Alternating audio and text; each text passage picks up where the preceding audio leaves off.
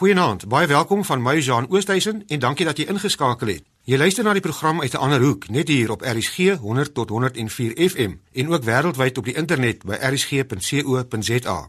In die programme gesels ons uit 'n ander hoek oor onderwerpe wat op een of ander manier 'n invloed het op jou spirituele lewe of jou geestesgesondheid, ongeag jou geloofs-oortuiging. Een van die gonswoorde in vandag se gejaagde lewe is die Engelse woord mindfulness of in Afrikaans bewustelikheid. En om hieroor te gesels en uit te vind wat presies dit beteken en hoe mens meer bewustelik kan leef, gesels ek met my twee gaste, Johannes de Villiers en Johan de Goede. Johannes is 'n dosent in wetenskap journalistiek by die Universiteit van Stellenbosch en skrywer van die boek Kalmte in die malle gejaag, 'n boek oor bewustelikheid. En Johan de Goede is 'n bedryfsielkundige van Kaapstad. Goeienaand Johannes en Johan, baie welkom aan albei van julle en dankie vir julle deelname. Hallo John. Hallo John. Johannes, jy het nou pas hierdie boek geskryf met die naam Kalmte in die malle gejaag en kom ek begin dan sommer by jou. En dit gaan oor die noodsaaklikheid daarvan om bewustelik te leef of die Engelse woord mindfulness is miskien meer bekend. Wat word daar bedoel met mindfulness of bewustelikheid dan? Hoe sou jy dit beskryf? Ja, John, ek dink die meeste mense deesdae het al eers die woord mindfulness teëgekom. Dit was op 'n stadium 'n rare woord, maar deesdae hoor jy dit in skole, hoor dit by werkplekke oral. Wat mense dalk nog nie gehoor het nie is Afrikaanse woord, nee. Ons moet nogal 'n bietjie kop krap toe ons Afrikaanse boek daar skryf te sê wat gaan ons dit in Afrikaans noem. Maar as jy dan begin dink aan die Afrikaanse vertalings wat ons gekry het, dan sê dit ook nog ons vir jou 'n bietjie iets van wat is hierdie ding wat ons mee gewerk het. Ons het dit vertaal as bewustelikheid. Party mense vertaal dit as aandagtigheid of die ou Afrikaanse term teenwoordigheid van gees wat party mense ook sê. Want al die goeters vir jou aandui is, jy weet om teenwoorde van gees te wees beteken om net so 'n bietjie bewus te wees wat met jou aan die gebeur is terwyl dit gebeur. En ons almal weet Ons het oomblikke wat ons nie teenwoordig is nie, nê? Jy daai dae wat jy werk toe ry en jy hou stil by die werk en jy het nie 'n idee hoe jy gery het om aan te kom nie want jou gedagtes is op 'n heel ander plek of jy klim uit die stort uit en jy kan nie onthou wat jy onthou om jou hare te shampoo terwyl in die stort was nie want jy dink aan soveel ander goed. Jy verdwaal heeltemal in 'n geraas in jou kop. Nou, die idee van bewustelikheid is dat baie dikwels is ons in ons lewens nog ons gestres en ons voel onrustig en angstig en ons raak heeltemal verdwaal in allerlei hartseer stories maar daai stories is baie keer dikwels deel van die geraas in die kop wat wat met ons weghardloop en wat ons wegvat van die teenwoordige oomblik. As jy in die teenwoordige oomblik probeer wees en jou volle aandag en jou bewustelikheid hiernatoe bring, kom jy gewoonlik agter dat om hier teenwoordig is daar waar jy nou by jou radio sit, miskien in jou kar sitplek of by die huis of jy sit dalk nog in die bed. Sal jy agterkom is dinge eintlik redelik redelik redelik oukei. Okay. Jy kan nogal omgaan met jou lewe soos wat hy is. Daar's waarskynlik selfs as jy mooi kyk, iets bietjie mooi aan die gebeur rondom jou. Jy weet, miskien sit jy saam met iemand van wie jy hou, miskien as jy in 'n plek wat vir jou gemaklik is, 'n bank rusbank wat jy voor liefhet. Jy dra miskien klere wat jy al lank tyd het wat vir jou gemaklik is, soos 'n hond of iets naby jou. Wie weet waarvan jy hou, maar daar's as jy mooi kyk altyd iets goed aan die gebeur in jou oomblik, maar dis wanneer ons verdwaal in hierdie stories in ons kop dat ons wegvat word en wat ons omtrent net in probleme verdwaal. Wat gaan môre verkeerd gaan? Wat het gister verkeerd gegaan? Waar moet ek my bekommerd wat ver weg van my aan die gebeur is? En al wat ons probeer sê in hierdie boek en eintlik in die hele beweging rondom bewustelikheid, mindfulness is druk net elke nou en dan die pause knoppie op daai stories en daai geraas en sê vir jouself dis okay om gou uit te asem en net 'n bietjie my oë op te maak en te kyk wat is spesiaal in hierdie oomblik. Johan, jy is 'n bedryfsielkundige. Stem jy saam met Johannes dat mense dit nodig het om kalm te raak en help mindfulness of hierdie bewustelikheid jou ook in jou beroepsveld? Ek dink Johannes lig 'n paar baie waardevolle punte uit vir ons en ek dink bewustelikheid vir my is ook 'n ander woord vir my is teenwoordigheid en ek dink wat baie belangrik is in vandag se wêreld is nie net om teenwoordig te wees of bewus te wees van van wat met jou gebeur in die omgewing nie, maar ook interne prosesse, kognitiewe prosesse en ook emosionele reaksies teenoor sekere aspekte wat in die wêreld of of wat jy het teenoor goed wat met jou gebeur in die wêreld. En ek dink vir my op 'n op 'n baie diep vlak is bewusstellike teenwoordigheid amper 'n praktiese vaardigheid om regtig daai bewuswording van jou eie oriëntasie te kultiveer en ek dink dis baie waardevol vir mense. So sonder twyfel help dit mense in organisasies om verskeie prosesse met meer teenwoordigheid meer bewustelik te benader, ook in hulle beroepslewe. Absoluut, geen twyfel daaroor. Johannes, jy het nou-nou verwys na die geraas in ons kop. Nou party mense sê vir jy sê miskien raas jou kop maar hulle koppe raas nie. Wat presies bedoel jy as jy sê 'n mens se kop raas? Ja, kyk, baie keer het ons mos jy jy ken mos nou die storie, jy het al iemand gesien teen teen wat daar naby jou wys of jou werkplek op die straat woon, hulle sit daar op die sypaadjie, hulle praat kliphard met hulle self en hulle raas en dink jy, "Sjoe, hier ou moet 'n klap weg hê want hy sit kliphard te gesels met iemand wat nie daar is nie." Maar wat as jy mooi dink is baie van ons eenders, nee, ons loop die hele tyd in ons kop voer ons allerlei gesprekke, ou argumente wat ons her um, amper sê recycle is 'n Engelse woord in ons kop en van voor af weer beklei of ons sit nou al en oefen vir 'n beklei wat ons met ons baas môre gaan hê of 'n ou gesprek met ons lewensmaat en so aan. En daai daai is jy's die geraas, die stemmetjies wat die hele tyd van dinge in ons kop stories maak wat nie noodwendig in die regte lewe aan die gebeur is nie, maar wat in prinsipe van 'n skeiding tussen ons en ons werklike lewe beginne word. Johan so mense hoef nie te dink daar's iets verkeerd met jou kop as as daar 'n geraas in jou kop is nie as ek dit so kan stel. Nee, ek dink om dit op proef te stel, kan mens eintlik vir enige iemand uitdaag om net 5 minute stil te sit en net waar te neem wat in die gedagtes gebeur en sonder twyfel sal dit vir mense oortuig dat daar baie gesprekke in die kop is wat amper onbewustelik plaasvind. So my uitdaging aan mense is spandeer bietjie tyd met jouself, sit stil en kyk wat wat gebeur in jou gedagtes. Johannes is dieselfde as die die rotresies wat sekerlik aan almal bekend is, die gejaagdheid waarmee almal te doen het in hulle lewens. Ons praat baie in sulke terme sê dit almal mee te doen het en dit is 'n universele ervaring vir alle mense en dis heeltemal waar, maar dit beteken nie dit is 'n noodwendigheid nie, nê? Nee? En dit is die interessante ding wat mense die laaste ruk begine oplet. Hulle praat 'n wetenskap wat hulle praat van kontemplatiewe neurowetenskap en dis 'n baie groot woord. So ek sal dit eerder baie eenvoudig verduidelik. Jy weet in die ou dae het mense gesê jy het 'n sekere persoonlikheid, jy's so maak en so laat staan, né? Party mense is nou maar te neergedruk, party mense is angstig, party mense is baie rustig en vrolik. En dis nou maar daai een se persoonlikheidstipe. Hulle het gedink as jy so 20 is, is jou persoonlikheid gevorm en vir die res van jou lewe is dit hoe jy maar gaan wees, maar ons het die laaste ruk 'n wonderlike ding uitgevind. Johan gaan eintlik dalk meer daaroor kan sê. Hulle noem dit neuroplastisiteit. Dit beteken jou brein is plastisiteit beteken jy weet soos soos klei wat jy kan vorm en jou brein in 'n sekere sin kan nog in jou lewe tussen aanhalingstekens jou lewe lank gevorm word wat eintlik beteken jy kan nie nuwe breinselle bykry nie, maar jou brein kan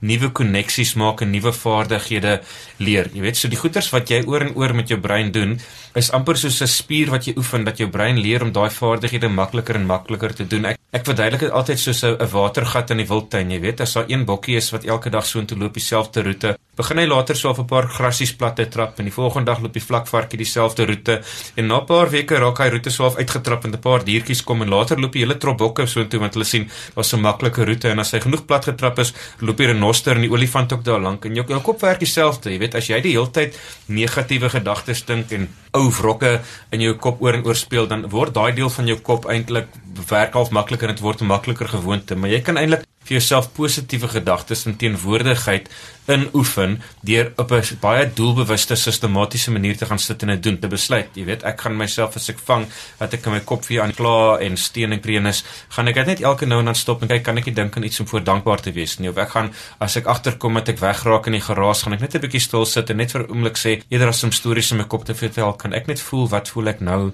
wat hoor ek nou daar waar ek by radio sit? Hoor ek miskien iets buitekant in die straat?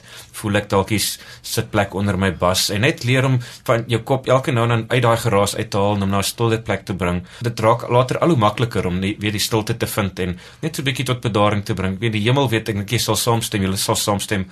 Almal het dit nodig Johan, met ander woorde, wat Johannes sê is mens hoef nie vasgevang te wees in hierdie rotreusies nie. Daar is maniere om daar uit te kom. Absoluut. En ek dink dit is 'n dis 'n uiters belangrike punt. Ons evaluasie van realiteit is baie keer subjektief.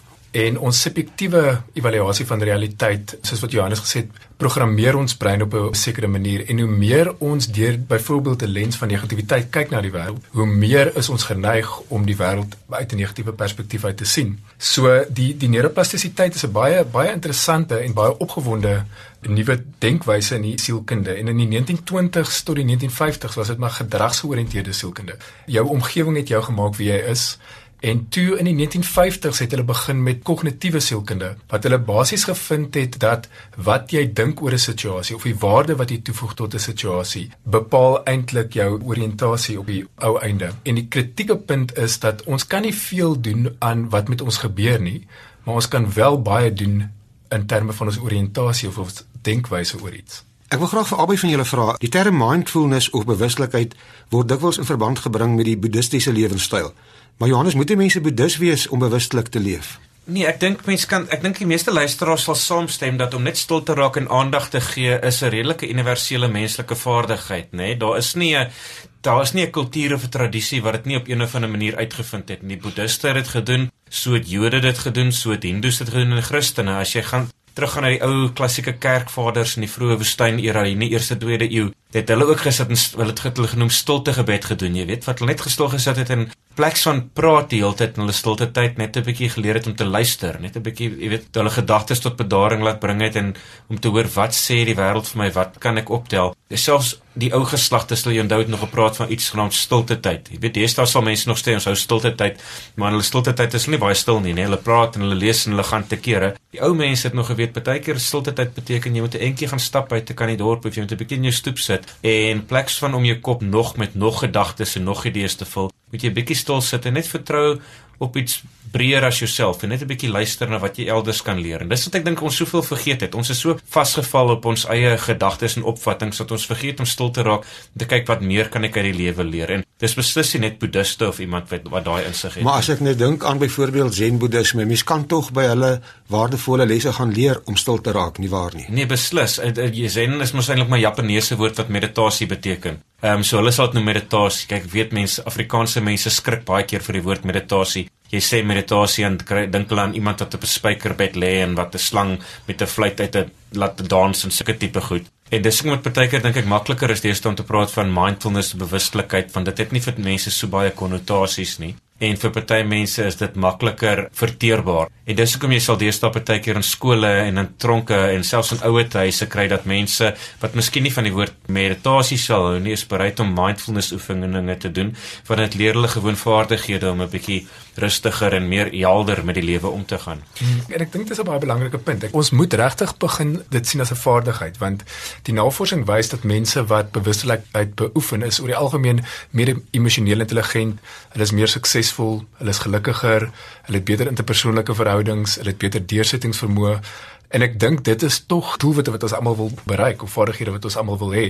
So ek dink ek dink Johannes is 100% reg en wat interessant is is dat maatskappye soos Google bied bewustelikheidskursusse aan, die Amerikaanse weermag bied bewustelikheidskursusse aan, Steve Jobs byvoorbeeld was 'n was 'n persoon wat baie bewustelikheid geoefen het. So daar's baie praktiese voorbeelde wat dit nie net jy hoef nie op 'n op 'n berg te gaan sit en weg te wees van die gemeenskap af om om dit te beoefen nie. Ek dink dit is dit is prakties en relevant. As ek net op daai noot kan inkom, jy weet, mense dink om te mediteer of bewustelikheid oefen beteken jy moet ergens kruisbeen sit en 'n sekere oefening doen, maar sulke goed jou bang maak is daar baie ander maniere wat jy dit kan doen. Jy weet, jy kan elke dag 'n entjie met jou hond gaan stap in plek dat jy terwyl jy stap dagdroom of oor die dag se werk dink. Kyk of jy 'n oomblik net daai goed tussen nakkies kan sit en maak dit 'n tydjie om jou aandag te oefen. So terwyl jy daar gaan stap, sê net watse geluide kan ek optel? Ek hoor miskien die verkeer, ek hoor my voetvalle op die grond, ek hoor die briesie deur die takke en laat jou aandag elke keer terugkom na wat jy mee besig is. Of miskien terwyl jy in die kar ry, plek son om te sit en fantasieer oor wat later die dag gaan gebeur of kwaad te raak vir wat op die radio is, sê kan ek eerder my aandag terugbring en voel wat voel ek net die gevoel van die stuurwiel onder my hande, die ligte vibrasie van die motor onder my lyf. Miskien waar kan ek wat se kleure sien ek oor die rooi stopstraat, die pers bloeisels in die bome, die blou lig As jy pas ingeskakel het, my naam is Jean Oosthuizen en jy luister na die program uit 'n ander hoek op RSG 100 tot 104 FM en ook wêreldwyd op die internet by rsg.co.za. Johannes en Johan, kom ons kyk in die tweede helfte van die program so 'n bietjie na wenke en tegnieke hoe 'n mens dan bewustelik kan leef. Johannes, ek verstaan, daar sit 'n hele wetenskap daar agter. Miskien kan jy en Johan vir ons bietjie iets daarvan vertel. Is daar regtig 'n wetenskap daar agter? Ja, kyk, deesdae is dit, hulle doen fascinerende goed, nee, hulle sal mense leer om tussen hakkies mediteer, maar jy kan dit nou noem bewustelikheid oefeninge te doen. Dan sal hulle hierdie mense deesdae aan masjiene inskryf soos 'n fMRI masjien of 'n EKG masjiene. Dis als groot woorde vir daai masjiene waarmee hulle jou breinaktiwiteite meet. En dan sal hulle mense daar inrol en die mense daar laat lê en hulle sê doen 'n bietjie van die oefeninge en dan kyk wat in hulle brein gebeur. Dit smoor nogals baie van die ou vooroordeele in die kiem wat ons gehad het, want dit wys dat hierdie goeters is nie net 'n bygelowe en 'n klomp vreemde eksotiese goed nie, maar dit meetbare resultate het. Daar's verskillende dele van jou brein wat geaktiveer raak as jy bewustelykheidsoefeninge doen. Daar's ander dele wat minder aktief raak. Jy sal mense kry wat jare lank al ure lank elke dag hierdie goed oefen. Ons het nie almal so baie tyd nie, maar ons kan miskien 'n klein bietjie minder, maar hierdie mense wat elke dag met dit besig is, sal jy later sien die dele van die brein wat die veg en vlug reaksie monitor wat maak dat jy dadelik gestres raak as iets verkeerd gaan en begin adrenalien afskei en jou alle spiere trek saam. Daai dele raak 'n bietjie minder aktief en hulle skop nie so vinnig in nie. So mense leer om wanneer iets verkeerd gaan, nie dadelik in 'n paniekmodus in te gaan nie, maar so 'n bietjie te bedaar, net rustig te sit en eers te sê is hier nou rede om bekommerd te wees, kan ek iets hieromtrent doen.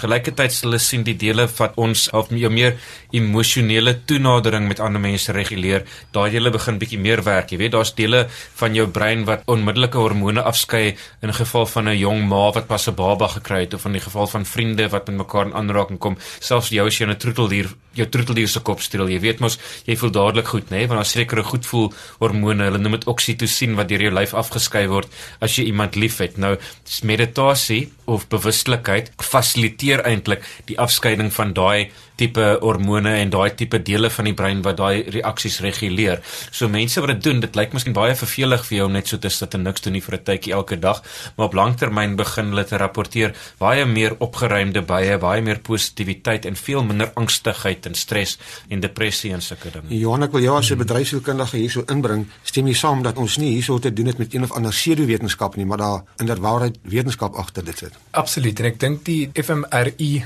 navorsing is oortuigend. Daar's daadwerklike verandering wat in die brein gebeur en dit maak mense baie minder reaktief wat ek dink belangrik is. So jy begin 'n baie meer of hoër kognitiewe funksies te gebruik as jou meer primitiewe emosionele reaksies teenoor goed. Dis amper as jy as jy in die pad loop en jy sien 'n tak daar lê En baie keer is die eerste reaksie, o, dis 'n slang, totdat jy integrasioneel na die prentjie kyk en besef dis maar net 'n tak wat hulle lê. So bewustelikheid gee jou daar vermoë om minder reaktief te wees. Wat die navorsing ook wys is mense wat bewustelikheid beoefen, ervaar minder pyn. Hulle herstel baie vinniger van traumatiese gebeurtenisse in hulle lewe. En ook 'n baie interessante navorsingsgevolgtrekking is dat die brein van mense wat bewustelikheid beoefen eintlik jonger is en en daar's een persoon wat hulle nagevors het wat ek dink hy was in sy 40s en sy breinouderdom was was maar 33 gewees. So dit het 'n daadwerklike impak op die brein. Hulle sê een van die sleutelaspekte om die gevoel van geluk te ervaar is die afskeiding van endorfine, die goedvoelchemikalie in die brein. Is dit wat gebeur as mens bewustelik leef? Ek sou sê dit is 'n dit is 'n gevolg van bewustelik leef, maar ek dink wat ook belangrik is, ek wil net weer terugkom na die neuroplastisiteit want dit is vir my dit is vir my krities. Om jou reaksie teenoor situasies te verander, moet jy dit bewustelik oefen. Jy moet dit doelgerig oefen en ek dink dit is uiters belangrik om te verstaan. Sonder die doelgerigte beoefening gaan daar nie herbedrading of herprogrammering van die brein plaasvind nie. So ek dink bewustelikheid is 'n daadwerklike praktiese tegniek om daai neuroplastisiteit of herbedrading van die brein tot gevolg te hê. So ek dink die endorfine is 'n gevolg van bewustelikheid absoluut. As ek byvoorbeeld 'n 'n praktiese voorbeeld kan gee van daai, jy weet, daar sal 'n tipe van 'n bewustelikheidsoefening wees, verskil eintlik van die meer algemeen bekende wat hulle noem 'n deernisoefening, wat jy leer om jou brein amper te oefen om meer gereedelik deernis en en welwillendheid teenoor ander mense te oefen. So jy sal gaan sit in 'n plek en eers 'n bietjie stil raak, miskien 'n bietjie die foon afskakel, die deur toe trek sodat niemand jou gaan pla nie. En jy sal 'n rukkie daar sit jy kan jou oë toemaak as jy wil en jy kan net probeer dink aan iemand vir wie jy baie liefhet. Dit kan nou wees jou ou moeder of jou troeteldier of 'n geliefde oud onderwyser of 'n beste vriend.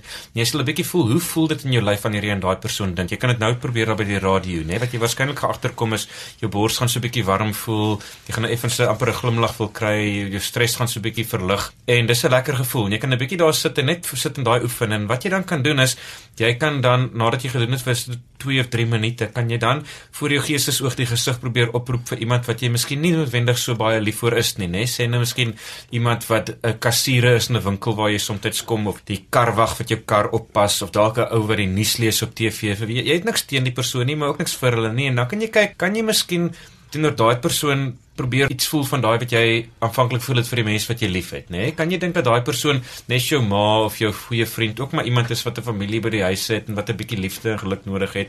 En dan begin jy agterkom dit raak vir al makliker om vir daai mense dit ook te voel. Later kan jy dit self begin oefen met mense van wie jy nie so baie hou nie. Weet daai moeilike kollega of ex wat jou afgesê het of sulke tipe mense, jou voormalige lewensmaat. Dit gebeur nie sommer oornag nie, maar jy werk aan om stelselmatig jou gemoed te leer om makliker by daai punt uit te kom wat jy mense se beste belange op jou hart hart dra en iets positief vir ja, hulle voel. Jy, jy het byvoorbeeld nou verwys na troeteldiere en ek dink navorsing het ook gewys dat die aanraking met jou troeteldiere die produksie van endorfien stimuleer.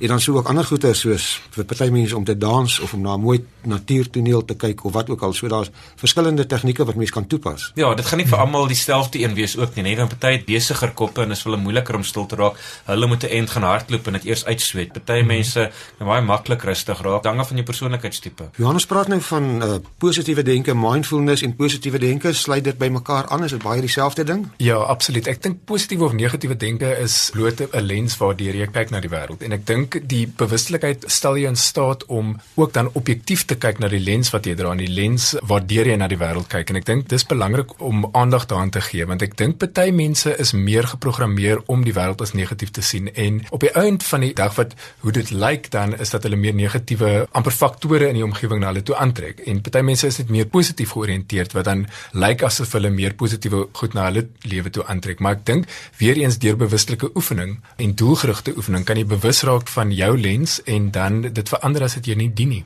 Ons praat nou oor die positiewe dinge, maar hoe leef 'n mens mindful of bewustelik met jou pyn en jou hartseer en jou probleme want alles in die lewe is nog nie net positief nie. Ja, weet jy, hulle praat in die en daar's een metafoor wat hulle baie keer praat van die twee pile. Hulle sê pyn is soos twee pile, jy weet, daar's eers die eerste pyl wat jou tref en hy maak jou seer, né? Hy steek jou ergens waar hy getref het en jy kan bitter min daaraan doen. Maar dikwels is daar 'n tweede pyl wat ook tref en almal gaan as jy nou eerlik wees erken dat dit gebeur en daai pyl is wanneer jy in jou kop 'n storie oor die aanvanklike pyn wil maak vir dit vererger jy weet? Ek het miskien nou 'n besering daar kan ek niks doen nie dit is seer maar nou begin ek vir myself te sê ai ek kry myself so jammer. Hoekom gebeur dit altyd met my? Wat het ek gedoen om dit te verdien? Jy sekerlik te self ook al beleef net praat jy jouself al dieper en dieper in 'n swart gat in. So wat aanvanklik verkeerd was raak later 'n hele ding wat jou uitsig op die lewe belemmer en jou in 'n swart gat van depressie laat verval. En ek dink wat bewustelikheid doen is om jou te leer om jouself te vang voordat daai storie in jou kop soos 'n sneeubal begin groter en groter raak. Om te sê, ja, ek het 'n pyn, ja, is dit verkeerd gegaan in my lewe, ja, my kind het my ongelukkig gemaak, maar voordat ek 'n storie daarvan maak, kan ek dit net beskou vir wat dit is en dan nie die storie aanblaas en dink dat ek met die geraas in my kop gaan vererger nie. En mettertyd gaan jy vind dat as jy net in hierdie oomblik teenwoordig wees, en ek sê nie is maklik nie, maar as jy net in hierdie oomblik teenwoordig is,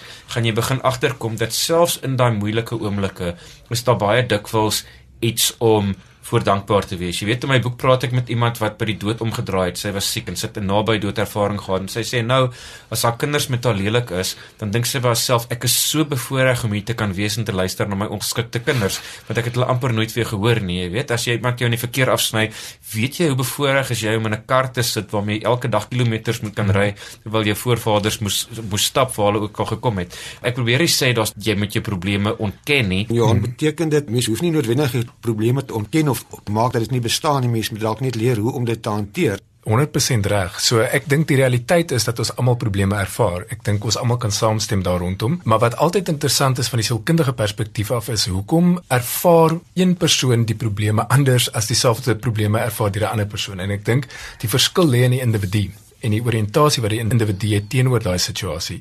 En ek dink Johannes is is 100% reg. Altyd as mens terugkyk in mense lewe en ek wil graag die luisteraars bietjie aanmoedig om terug te kyk in in hulle lewe na situasies waar hulle op die oomblik gevoel het dis dis amper die einde van die wêreld. Maar as jy oor tyd perspektief kry van die situasie, dan dan val die stukke van die legkaart in plek. En ek dink dit is ook dit dra ook by tot meer objektiviteit. Ons het nou gepraat vroeër oor die wetenskap wat daar agter sit, maar party mense dink 'n mens moet net positief dink, dan gaan alles regkom. As jy positief dink, dan gaan jy as jy voor die besige mol verbyry gaan 'n parkeerplek oopval of as jy positief dink, gaan jy maar word of as jy positief dink, gaan jy genoeg geld kry. Dit werk tog sekerlik nie so nie. Ja, dis baie jammer. Ek meen daar's ook 'n mate van bygelowigheid wat baie keer inskop, nê? Nee? Ek meen dis dis daar baie mense sal, jy weet jy die storie sê van jy moet positiewe dinge uitspreek oor jou lewe en dan manifesteer dit. Sulke tipe woorde sal dit gebruik.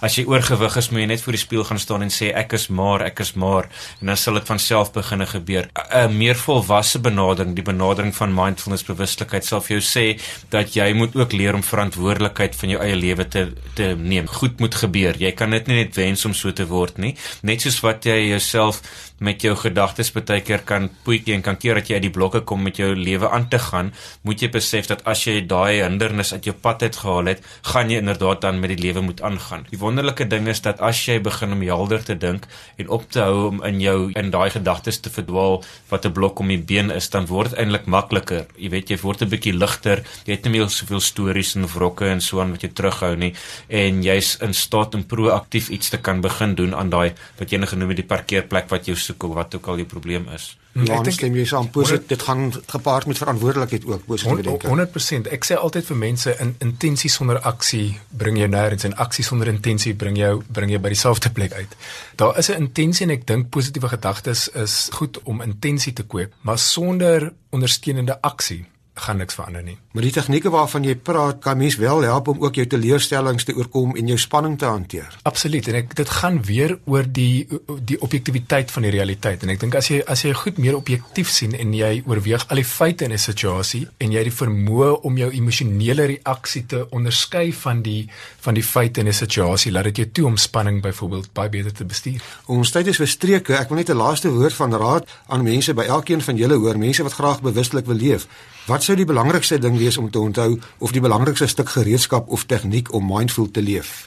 Ek wil 'n baie praktiese tegniek vir mense gee. Dis nie noodwendig 'n meditasie tegniek nie, maar ek dink dit sal baie waardevol vir mense wees om in die oggend op te staan en drie goed waarvoor hulle waardering kan uitspreek neer te skryf. En ek dink oor tyd sal dit wel daai lens verander. 'n Laaste woord van jou Johannes? Ek wil eintlik sommer voortbou wat Johan gesê het en ek dink jy kan dit in die oggend doen en jy kan ook sommer begin deur sommer nou daar waar jy nou te sit dankbaar te wees vir iets. Ehm um, dit help baie keer baie om sommer nou in die oomblik te sê wat kan ek nou sien, nou hoor of nou voel om voor dankbaar te wees. Ek wil jou uitdaag al het jou dag hoe swaar begin, kyk gou net rondom jou rond, daar is waarskynlik iets en as jy dit nou sien, nie kyk weer En as jy dan nog nie sien nie, kyk weer en jy gaan iets oplet in jou omstandighede wat so klein bietjie magic is en wat jou weer 'n bietjie hoop kan gee. Baie dankie aan my twee gaste, Johannes de Villiers, skrywer en wetenskap journalistiek dosent van Stellenbosch en Johan de Goede, 'n bedryfsielkundige van Kaapstad, dat julle ons bewus gemaak het hoe belangrik dit is vir ons geestesgesondheid om ook bewustelik te leef.